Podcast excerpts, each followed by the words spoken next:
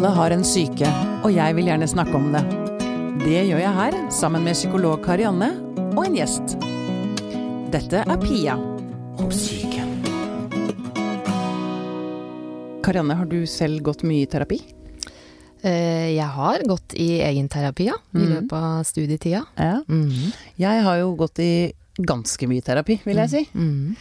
Og sånn i ettertid så har jeg tenkt mm, Jeg vet ikke hvor eh, hvor bra det var, liksom. Alltid. Mm. Det, er ikke, det er ikke alle terapiformer som har noe effekt, egentlig. Nei, det er ikke det. Eller alle terapeuter. Og det er ikke alle terapeuter heller nei, som har effekt. nei. Og det, det er jo nettopp tematikken for i dag. Mm. Hva gjør en uh, terapeut effektiv? Og vi har fått en gjest som uh, har forsket på dette. Helene Nissen Lie, velkommen hit. Tusen takk. Du, du er førsteamanuensis, og så associate professor. Hva heter det på norsk? Ja, det er en førsteamanuensis. Det, Det er det det. engelske og litt kulere begrepet. Det er mye tøffere å være associate professor. Ja, det er det. Ja. Det er Psykologisk institutt på Blindern. Mhm. Ja.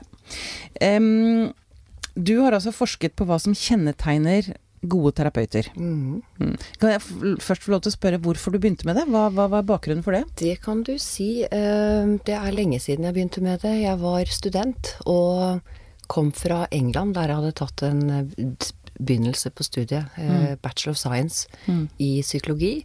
Det var veldig lang ventetid på profesjonsstudiet da. Så da dro jeg til London og tok eh, tre år der, og så kom jeg tilbake og skulle fullføre da profesjonsutdanningen da.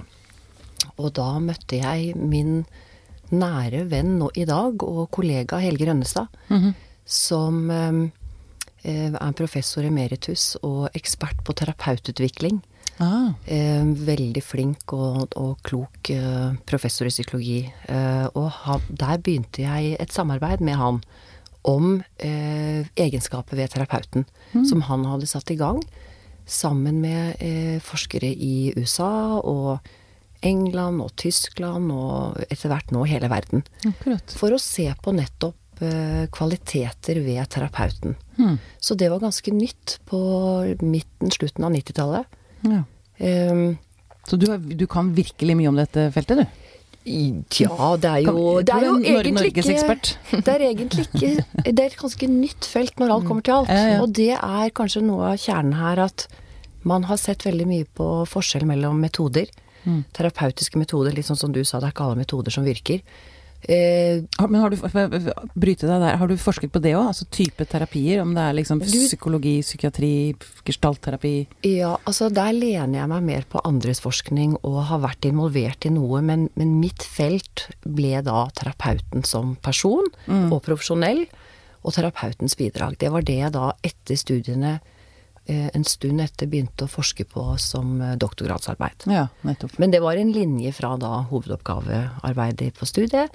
Og hvorfor jeg ble interessert i det, er vel litt at Litt sånn som du kanskje har erfart, at eh, dette feltet er jo veldig avhengig av det enkelte mennesket du møter. Ja. Og man kan jo kjenne det igjen som fra skoledagene, at det er forskjell på lærere.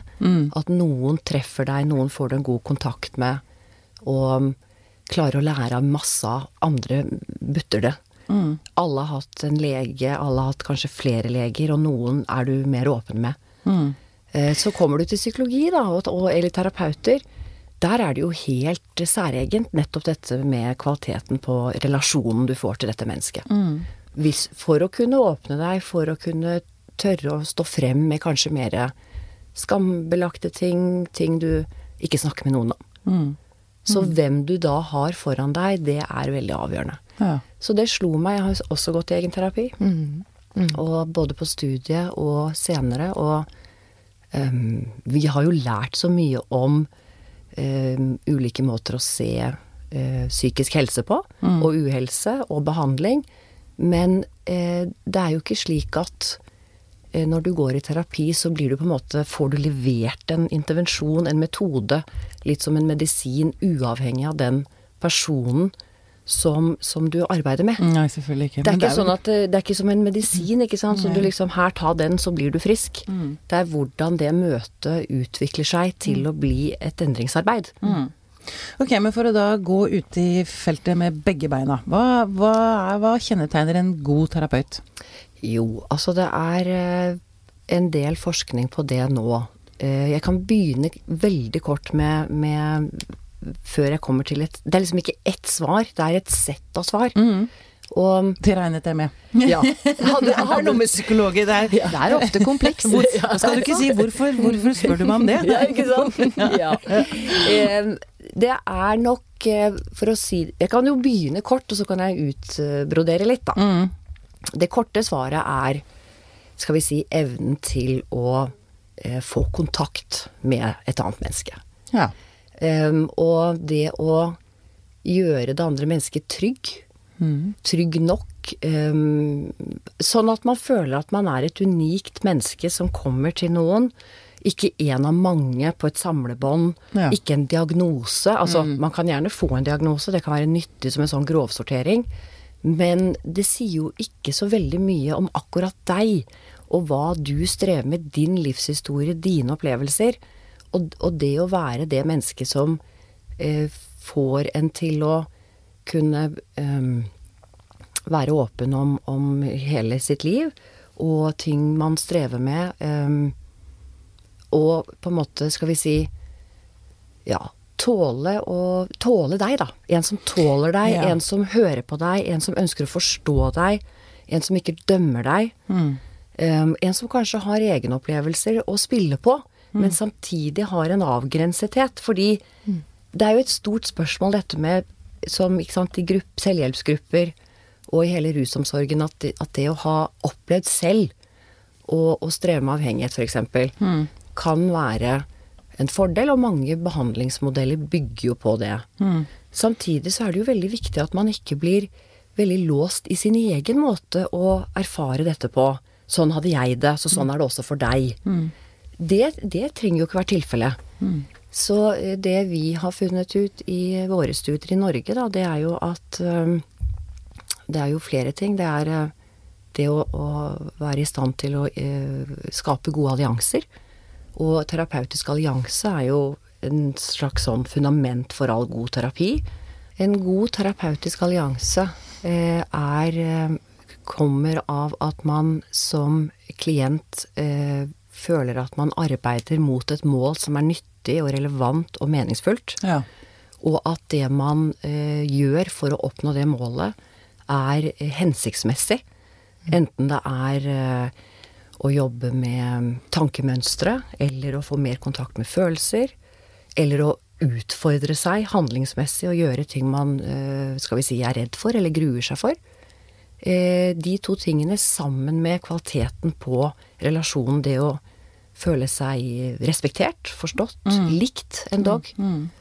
Så den evnen der, de, de terapeuter som er gode på det, de er også gode eh, på å få til et godt resultat, Ja. kan man vel si. ja, nettopp. Du, eh, Karianne, du jobber jo som terapeut. Ja. Mhm. Har du prestasjonsangst? ja, det kan jeg ha. Mm. Ja. Syns du det er vanskelig å, å liksom få til det Helene snakker om? Eller ligger det Um, natur... For det, det jeg har lyst til å spørre dere om, er Ja. hvor, hvor mye er liksom personligheten? Mm. Ikke sant? Nei, jeg, vet, jeg tror akkurat den forskningen til Helene og hennes gruppe viser eh, veldig tydelig at eh, det er ikke sånn at vi kan legge vekk den personen vi er i det øyeblikket vi går inn i det psykoterapeutiske rom. Mm. Eh, vi, vi er ikke bare profesjonelle i de møtene. Altså vi Nei. bringer vår person også inn i møtet med de enkelte. Uh, og det er jo nettopp derfor uh, terapeuter bør gå i egen terapi. Altså sånn at vi skal være avklart, uh, forholdsvis i den grad vi klarer, Mm. med vår, vår egen sårbarhet, da. Ja. Eh, mm, men jeg tror kanskje noe av det som er den største utfordringen, er eh, Jeg vet ikke, dette, dette har vel dere egentlig snak, eller skrevet en del om, Helene. Det der å at det, det, det- avgjørende er at du skal ha et sånn forholdsvis avklart forhold til, til seg sjøl, til meg sjøl. Og så kjenne at jeg kan, kan tenke at jeg er et ok menneske som person. Men at jeg, at jeg kan ha prestasjonsangst i den forstand at jeg kan tvile på eh, min egen rolle som terapeut. det er ikke så farlig. At, at du har prestasjonsangst, det er ikke farlig? Ikke prestasjonsangst, kanskje, men, men, men hvis, hvis, innholdet i den angsten dreier seg om at eh, jeg tvi, kan tvile litt på om jeg er en ok terapeut, jeg kan tvile litt på mine egne terapeutiske ferdigheter, fordi mm. det gjør meg kanskje mer åpen for å ta imot eh, kritikk fra mm. pasienten eller klienten. Ja, ja nettopp. Ja. For det er sikkert ikke så dumt, Helene. En terapeut som faktisk er åpen for at hm, kanskje jeg kan justere, mm. eller kanskje jeg ikke er perfekt. Det tror jeg er helt avgjørende. Ja. ja, det er, det er, det, ja er, du kan si det så tydelig, ja. ja det, er, det er mm. så komplekst det vi arbeider med, at mm. vi må hele tiden være i stand til å kritisk reflektere over vårt eget bidrag, hvordan vi blir oppfattet. Mm. Um, den andres opplevelse av oss. Mm. Um, men ikke på en sånn måte, selvsagt, at man blir veldig, veldig usikker. Mm. Men det vi fant, var jo at, som Karianne er inne på her, mm. at uh, profesjonell selvtvil, altså den, uh, i den, den, skal vi si, tvil du kan ha på deg selv som terapeut, om du klarer å forstå hva klienten strever med til enhver tid, mm. om, du klarer, om, du faktisk klarer å, å være til hjelp og ø, overskue det pasienten kommer med, det var positivt forbundet med et godt terapiresultat for klienter. Ja. Mm. Eh, og det var litt overraskende eh, til å begynne med. At vi tenkte men mm. kan det stemme, da? Eh, men nå syns jeg mm. at det gir mer og mer mening, og mm. det, det gjør det for de fleste terapeuter. Mm. Det er klart noen syns at det er et litt skal vi si paradoksalt funn. Man må være trygg og sikker for å møte en annen person i sin sårbarhet. Men jeg tror jo kanskje at de som um, scorer seg selv på denne tvilen, da, profesjonell selvtvil, de har jo sikkert en del trygghet i seg mm. som gjør at de kan romme denne tvilen. Mm, jeg skulle til å si ja, nettopp, du må bare ha selvtillit for å tørre å stå ja. i usikkerhet, liksom. Ikke sant. Og mm. det gjelder jo mm. ikke bare terapeuter. Det gjelder, det gjelder advokater og leger, kirurger, dommere blir, jeg blir litt skremt når jeg og hører at Og lærere! Mm. At jeg Nei, jeg er ikke i tvil i det hele tatt. Mm. Mm. Uh, jeg var helt sikker fra første stund. Mm. Tvilen er jo på en måte det vi All kunnskap bygger jo på det. Mm. Hele tiden å kunne Og utviklingen, ikke Ikke sant. Og egen utvikling. utvikling. Mm. At, du, at, du, tåler det at der, der kan jeg ta feil. Hva gjorde jeg nå? Burde jeg kanskje ha gjort sånn? Hvordan var det for deg da jeg sa det? Jeg lurer på om det kanskje ble, ble vanskelig for deg. Kanskje oppfattet du det som kritikk? Ja, for du kan rett og slett i terapirommet gi uttrykk for at jeg er ikke helt sikker som terapeut. Ja. Mm. Det er også Ja, og jeg tror at det kan være bra, fordi det er klart at man trenger jo å komme til et annet menneske som har en trygghet og har en kunnskap som gjør at man kan få hjelp med det man strever med. Mm. Men det arbeidet der i, i, flere timer fremover, det er jo eh, en prosess som blir til mellom to personer. Og klienten er jo først og fremst den som vet best. Eh, og kjen, hvis man bare får hjelp til å få tak i det som er inni, inni en, mm. så, så, det å få en annen som blir for skråsikker Du har det sikkert sånn. Mm. Da er det my mange som protesterer. Jeg har jobbet med, mm. mest med ungdom i de siste fem årene, og der er det veldig tydelig. Mm. Du kan ikke vite det. Hvis man sier sånn Ja, jeg forstår. Mm. For, du kan ikke forstå det. Mm. Hvordan kan du vite det? Og det er jo helt riktig. For det at når, når, de da sier det, så kommer det mange ting. F.eks. det og det. Sånn at det å ha en, en, skal vi si, holdning av ydmykhet, da, som mm. Kirkegård sa for over 250 år siden mm. det, det, å være rett og slett i stand til å kunne være helt åpen for det klienten kommer med, og kunne ta feil. Mm. Og kunne se sitt eget bidrag, men samtidig, som Karianne her sier, ha en trygghet. Altså ha en som menneske mm. en, en, god nok selvfølelse. Ja. Og det var det vi fant, denne kombinasjonen mellom en god nok selvfølelse mm. og evne til å, skal vi si, godartet, men kritisk evaluere sitt eget bidrag. Ja. Det, det, var det aller mest gunstige. Ja, nettopp. Men jeg må bare spørre da, jeg nevnte det så vidt i sted, hvor mye er dette personlig egenhet, og hvor mye av dette kan læres? Veldig viktig spørsmål. Mm. Og, og, det feltet baler med, da har jeg helt ferske resultater fra studier som er gjort de siste årene mm. på noe som heter fasiliterende interpersonlige ferdigheter. Som man fant Altså, man ga et sett terapeuter en videooppgave som var skal vi si, standardisert. Det var forskjellige skuespillere som spilte ut veldig vanskelige interpersonlige scenarioer. Mm. De kunne være veldig sinte, kritiske, devaluerende, eller veldig sånn eh, Forsiktige, Veldig forsiktig og, og, og, og vanskelig å få kontakt med. Og ulike måter å være skal vi si, utfordrende på, da. Og eh, så, så ba man terapeuter der og da, litt sånn improv improvisasjon på direkten, eh, komme med en respons. Og så kodet man denne responsen, disse responsene, og så fikk man en score på hvor, hvor, god man, eller hvor, hvor gode interpersonlige ferdigheter man hadde. Og den scoren, den hang sammen med utfallet til klienter man hadde, reelle klienter, i ens egen praksis. Eh, og kanskje den, den sterkeste sammenhengen vi, vi har sett i forskningen mellom kvaliteter ved terapeuten og resultatet av terapi for klienten. Så det var veldig lovende, et nytt sånn forskningsparadigme, kan man si, eller metode å bruke, eh, som kommer fra USA, Tim Anderson. Um, og så har det blitt brukt eh, varianter i flere ulike land.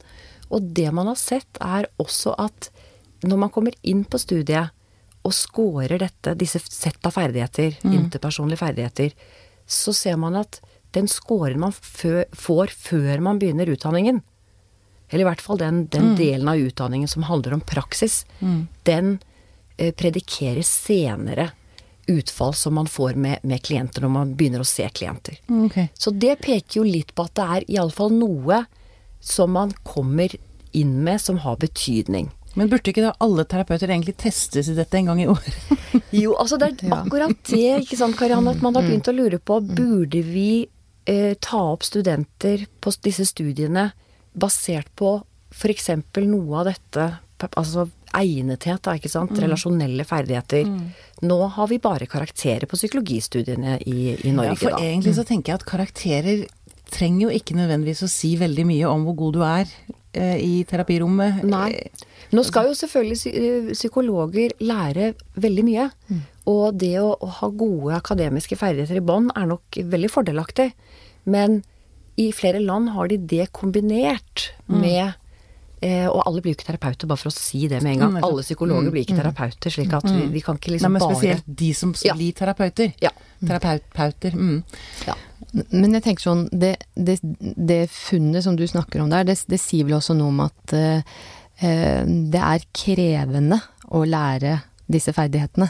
Det betyr at eh, seminarer og konferanser og en forelesning, det er ikke nok til å lære deg til å bli en god terapeut i møte med mennesker som strever. Eh, du må eh, du, du må ha veldig tett opplæring. Du må ha eh, tett veiledning. Det bør helst video til. Altså det, det krever en intensitet, da. Eh, å skulle lære seg til å bli en god terapeut. Nettopp fordi at vi har også sett at disse ferdighetene utvikler seg med, ut, med sånn som du sier, tett oppfølging og veiledning også. Eh, så er Noen vil kanskje si at det, all, det, det optimale vil være å velge ut egnede personer som da har noe av dette i bånn, relasjonelle ferdigheter, og, og, og utdanne de. Eh, og gi de dette som Karianne nå snakker om. Intensiv opplæring, veiledning. Da vil du få veldig gode terapeuter. Så det er ikke noe sånn enten-eller, men, men det er iallfall slik at slik du er som person, eh, hvordan du er i møte med andre mennesker generelt, og, og hvor god du er til å lese andres eh, nonverbale uttrykk, følelser, hvor god du er til å formulere det de, det de kommer med, på en måte som gir mening når du gir det tilbake til dem. Og være skal vi si, god til å fange opp sånne signaler, det er veldig fordelaktig. Ja, veldig Og det er ikke sikkert at det er så lett å lære det.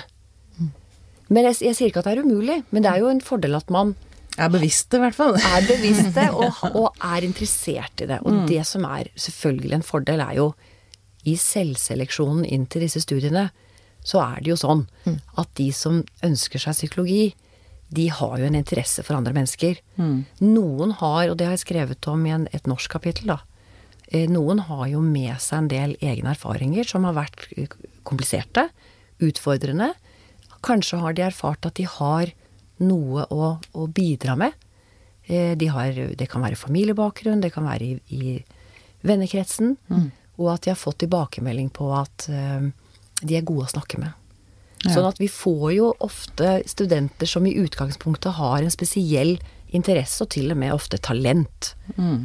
Og så utdanner vi de videre. Jeg syns jo psykologistudentene våre, og det tror jeg mange er enig i, er, er veldig flotte mennesker. Ja, og, Og og veldig- genuint interesse- interessert i feltet, og, Ja. og, og ikke minst i å hjelpe. Ja. Mm. Du, har du noen sånne Du har sagt noe om altså det, det er viktig selvfølgelig å, å lytte og, og klare å ta imot og, og ikke mm, overkjøre, men har du sånne derre veldig Altså, hva er det verste en terapeut kan gjøre? Har du noen sånne skandaleeksempler? Ja. Jo, altså det er jo en linje av studier som handler om dette med å, skal vi si, være subtilt fiendtlig kritisk. Som begynte på 90-tallet. Ehm, jeg tror Altså hele med Hans Drup og, og flere og, og i Norge også har vi hatt studier på det. Anna von der Lippe, veldig, veldig flink og dyktig professor i psykologi. Ehm, jeg tror man er veldig var for eh, mer eller mindre subtile eh, uttrykk for eh, Skal vi si devaluering og Ja, på fordømmelse. hvilken måte? Jo, Altså, at man hva- ja, jo, at man kanskje da eh, kommer med noe man syns er litt vanskelig å innrømme. Det kan være det Altså kan, som klient eller Som som, klient. pasient, så kommer man med noe som er Ja. skamfullt eller mm. Skamfullt, ikke sant. Det kan være at man ruser seg, det kan være seksuelle ting, det kan være irrasjonelle ting. Og så får man et, eh, skal vi si, en, en respons hvor man føler seg dum, skamfull og enda verre ved å fortelle det. Det er dårlig, høres ikke Ja. bra ut, nei. Nei, og, og kanskje det groveste eksempelet, sånn, når du spør om skandaler. Mm, altså, mm. eh, jeg tenker hvis vi som terapeuter eh, har, altså, har en sånn indre narsissistiske trekk, da, for å bruke et sånt begrep. Altså Mm. et sånt behov for å bli At vi har et sånt utgrunnelig behov for å bli sett og likt. Mm. eh, så eh, kan vi jo gjøre skade for eh, de klientene vi har foran oss. Og, og, og i ytterste konsekvens så har vi kanskje heller ikke grenser, og så kan vi krenke, ikke bare i form av å påføre skam, men vi kan innlede seksuelle relasjoner. Det er jo det groveste man kan Mm, gjøre som, eh, som terapeut. For man er ganske sårbar ja. i terapisituasjonen. Ja, ja. Ja, så er man ekstremt mm. naken på en eller annen måte. Eller det er vel på en eller annen måte det man ønsker, kanskje, Mm. når man går inn i et Ja. Terapirom. Og derfor har terapeuter, psykologer, psykiatere og andre terapeuter egentlig veldig mye makt. Ja, ikke Og makt over andre mennesker. Mm. Og det kan misbrukes. Ja. Mm. Og akkurat som Karianne sier, dette mer narsissistiske, at det handler om at eh, terapeuten skal bli sett og få rett, og skal liksom Du skal tilfredsstille Kanskje du kommer fra relasjoner, foreldre eller andre ektefelle, partnere, hvor du hele tiden må på en måte tilpasse deg, og så kjenner du en sånn eh, krav om å tilpasse deg der òg. Mm. Så, det, så det er veldig viktig å ha en, en mye etisk bevissthet og refleksjon omkring ens egen makt i en sånn eh, relasjon. Ja. Men så lurer jeg også på når man da Det det er jo ikke lett å gå ut og finne seg en terapeut. For det første så er det jo lange ventelister, kan være spesielt hvis man skal ha um, sånn um, Hva heter det? Um, ikke privat, men, ja, men med um, driftsavtale Med, med privatpraktiserende med, med Med avtale, ja, nettopp. Men um, hvordan skal man navigere, eller hva, hva må man være oppmerksom på, eller er, er det noe man ikke sant, Hvis man kommer til første time, og altså, Hvordan skal man vite at man er trygg, liksom? Mm, Hvordan skal man vite at terapeuten er god? Mm. Jo, altså det er et veldig viktig spørsmål, og samtidig så tenker jeg at vi Jeg er litt opptatt av å være ikke for bombastisk i dette eh, spørsmålet og svaret. Eh, det er noe som skal gå seg litt til òg. Ja, og ofte så kan man kanskje kjenne at altså, Det første møtet må jo være såpass at du føler at du blir tatt på alvor. Mm. Du blir respektert, du blir hørt.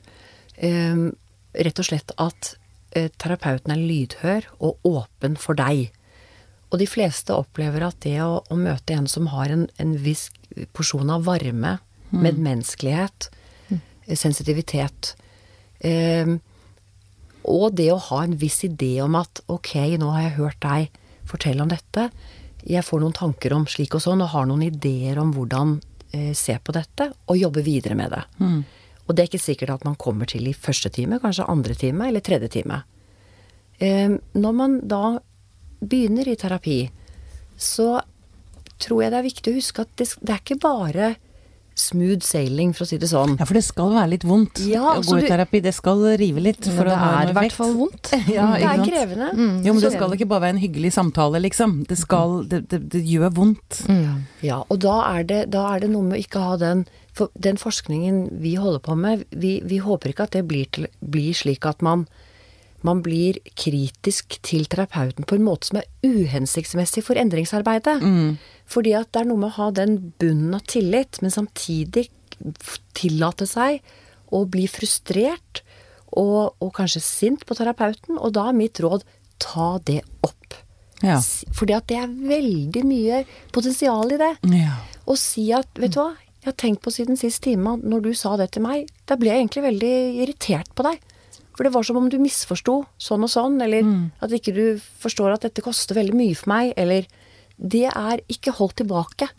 Hvis terapeuten din ikke klarer å ta imot det, ved å si og ta det på alvor og, og både se sitt eget bidrag, prøve å forstå hvordan det kunne bli en sånn opplevelse av å bli misforstått, det er et dårlig tegn. ja. Så, hvis, så svaret blir Da er det på tide å bytte. Ja, hvis du, hvis du ikke, ikke blir tatt på alvor når du tar opp ting om prosessen du syns er krevende og vanskelig, som jo er nettopp noe av det vi trenger for å få til gode prosesser, da, da vil jeg si at du kanskje ikke har den rette behandler. Men det å føle ulike følelser som er, spenner hele veien fra at man syns det er veldig hjelpsomt, til at man kan kjenne seg ja, irritert og sint, det, det er, hører med. Mm. Så det er ikke noe med å bare ha det det er, det er som du sier, det er ikke bare en koselig samtale Nei. hvor man hele tiden skal kjenne seg vel og ha det bra. Og, for det kan jo på en måte bli Det kan jo være et tegn på stagnasjon. Er det, er det noe sånn eh, Jeg vet at dette er et helt håpløst spørsmål, men jeg har lyst til å stille det likevel. Hvor lang tid, hvor lang tid må man gå i terapi? For å, er, er det sånn at man liksom skal gå i terapi resten av livet? Eh, som en eh, Nei? Det vil jeg si er veldig variabelt. Ja, jeg skjønner det, men jeg har lyst til å snakke litt rundt det likevel. Ja, vi skjønner det veldig godt. Nei, altså det, det kommer jo det, er- det er igjen Det blir veldig komplekst, da. For det kommer jo an på hva man strever med. Det kommer an på om man har en psykisk lidelse eller ikke, og hva slags lidelse det er. Eh, men jeg tenker eh, Uansett så tror jeg det er viktig når man skal gå inn i et psykoterapeutisk arbeid, at man tenker at dette forløpet jeg skal inn i nå, det er ett ledd i en, i, kanskje en lengre kjede i forhold til det å skulle få det bedre eller få til endring. Mm. jeg kommer ikke på eh, for eksempel mitt fagfelt, da, som er spiseforstyrrelser, at det er noen som har gjort for eksempel studier som sier at de, det lønner seg å gå så og så lenge. Nei. Det er det faktisk veldig lite forskning på. Mm. Det er jo noe forskning på at de fleste på en måte når de opplever en, en endring som er eh, betydningsfull, så, så blir det ikke så veldig mye lenger utover det. Eh, men de, nå gjelder det alle, ikke sant. Alle klienter. Men du, du, du sa noe sant, om at man skal vel ikke gå hele livet. For noen blir det litt en sånn livsstil. Og, eh, og hele tiden ha en å, å betro seg til, og, og rapportere til, og fortelle om siste ukes hendelser. Ja. Det er kanskje ikke det mest konstruktive eh, kontrakten.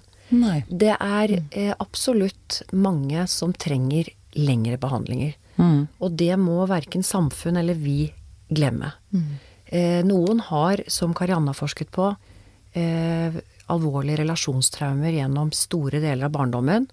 Og så er det en del ting som naturlig nok butter i voksen alder.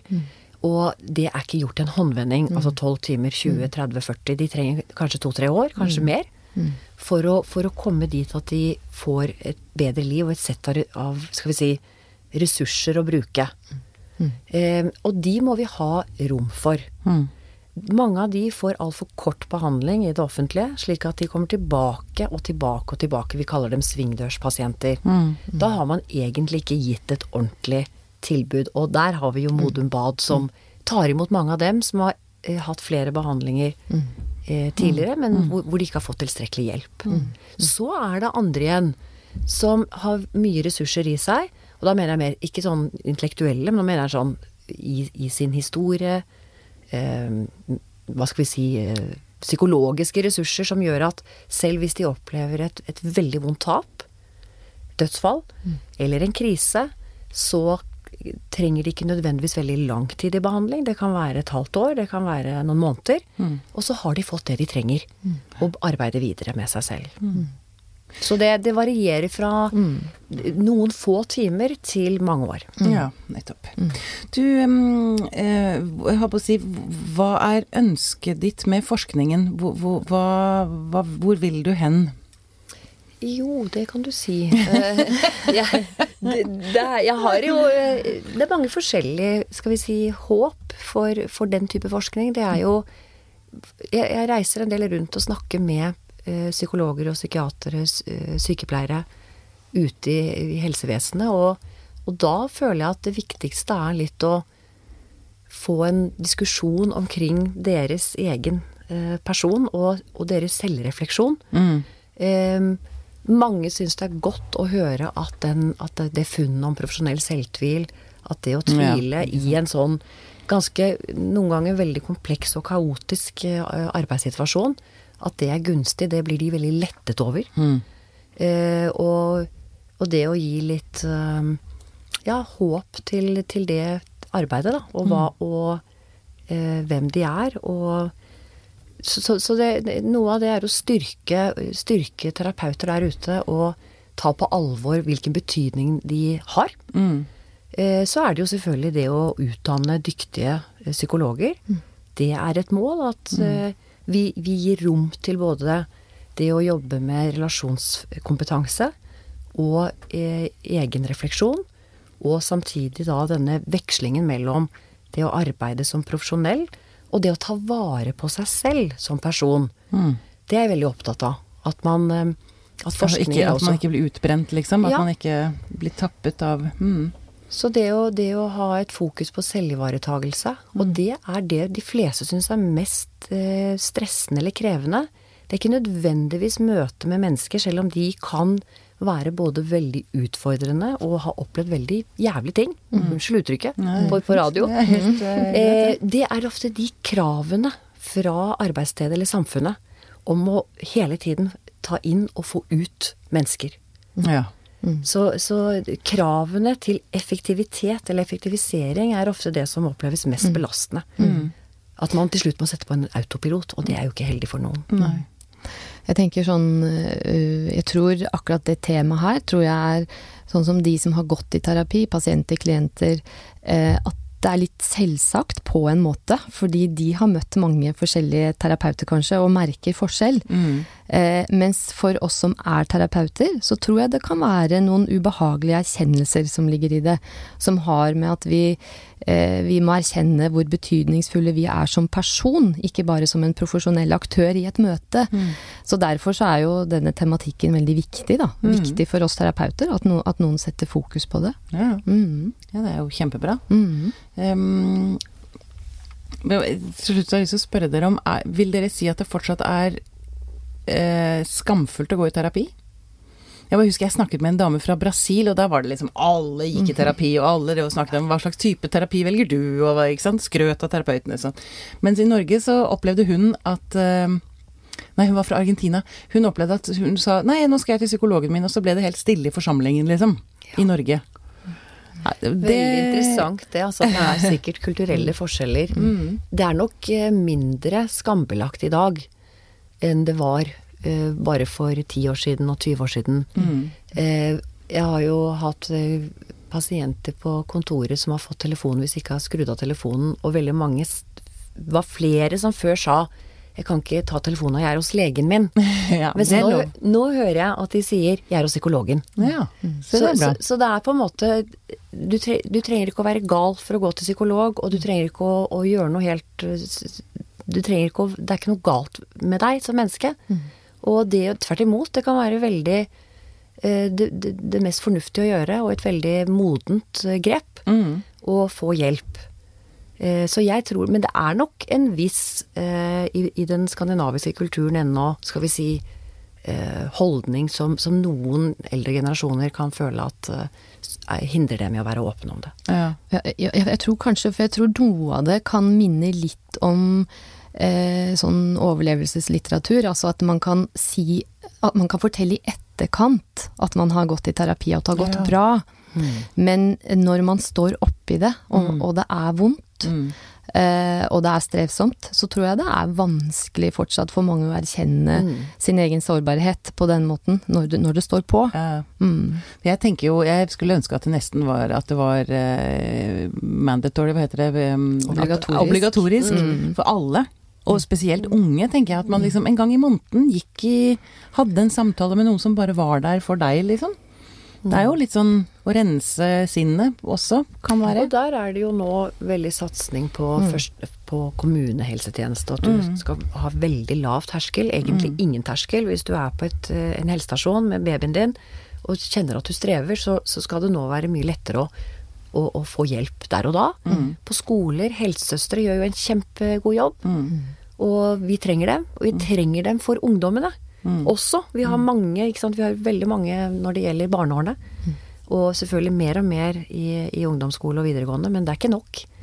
Eh, alle trenger ikke å gå i terapi, men de fleste trenger i løpet av livet eh, å snakke med noen eh, om, om opplevelser som er for vanskelige å takle helt alene. Ikke sant. Så selv om ikke det går an å gjøre det til noe obligatorisk, så bør man i hvert fall senke terskelen.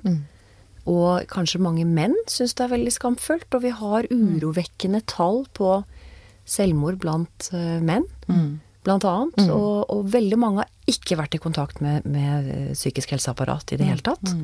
Så har jeg, var i alderspsykiatrien for noen år tilbake. Eh, det var et veldig spennende område. Mennesker som hadde levd et langt liv eh, hadde angst, f.eks. Eller tunge depresjoner og fått mye medisiner, og det, det kan hjelpe for all del. Men de hadde aldri fortalt hvordan de hadde hatt det i livet sitt. Flere hadde veldig alvorlige traumer. Og det var første gang i 83-årsalderen eller 75-årsalderen at de fortalte om dette til noen. Så det er også et område eldre. Ja. ja. Jeg tenker det er eh, jo, altså, jo fortere man Jeg skulle ønske at jeg hadde begynt mye tidligere med terapi. Jeg tror det kunne spart meg for mye problemer og lidelse opp gjennom livet. Ja, og det vet man en del om. Betydningen av tidlig intervensjon. Altså det at man kommer raskt inn når noe blir for vanskelig. Det er jo derfor man nå, i dag som Helene sier, altså er veldig opptatt av rask psykisk helsehjelp f.eks. Mm. Altså dette at man har fått nye systemer og, og hjelpetiltak eh, så nær som mulig der hvor, der hvor vi bor, da. Sånn at vi slipper lange ventekøer og, og, og henvisninger. Ja. Bra. Helene, er det noe du Er det noen sånn siste råd på tampen til eh, kanskje folk som utdanner seg til psykologer, eller folk som har jobbet som psykologer lenge, eller ja. Ja, altså råd Jeg er ikke så glad i råd, jeg. det er eh, psykologer sjelden. det, det, det, det er en viktig jobb. Og, og det å, å huske på at man skal ta vare på seg selv samtidig. Mm. Em, gjøre andre ting. Lese, gå på teater, Mm. eh, film. Det å og, og også være litt i opprør mot noen av de veldig eh, vanskelige kravene om å eh, skrive ut folk fortest mulig for å kunne få nye Mm.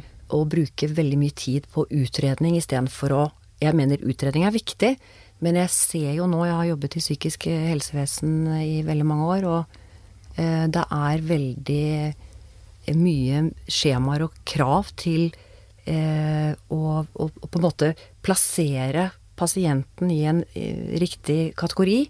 Og det er da Det kan komme på bekostning av å se det enkelte mennesket eh, som, som er jo det vi skal hjelpe. Med vedkommendes unike livshistorie og personlighet og livssituasjon. Så litt sånn sunt opprør mot noen av de rammene, sammen med ivaretagelse av seg selv, og også gjøre noe litt annet, er, vil være kanskje to råd, da. ja og tillate seg selv å tvile. Det er lov å Ikke tvile. minst. Ikke minst. Ja. Super. Det gjelder alle mennesker. Det gjelder alle mennesker. Fantastisk. Helene Nissen Lie, tusen takk for at du kom til oss. Tusen takk for meg.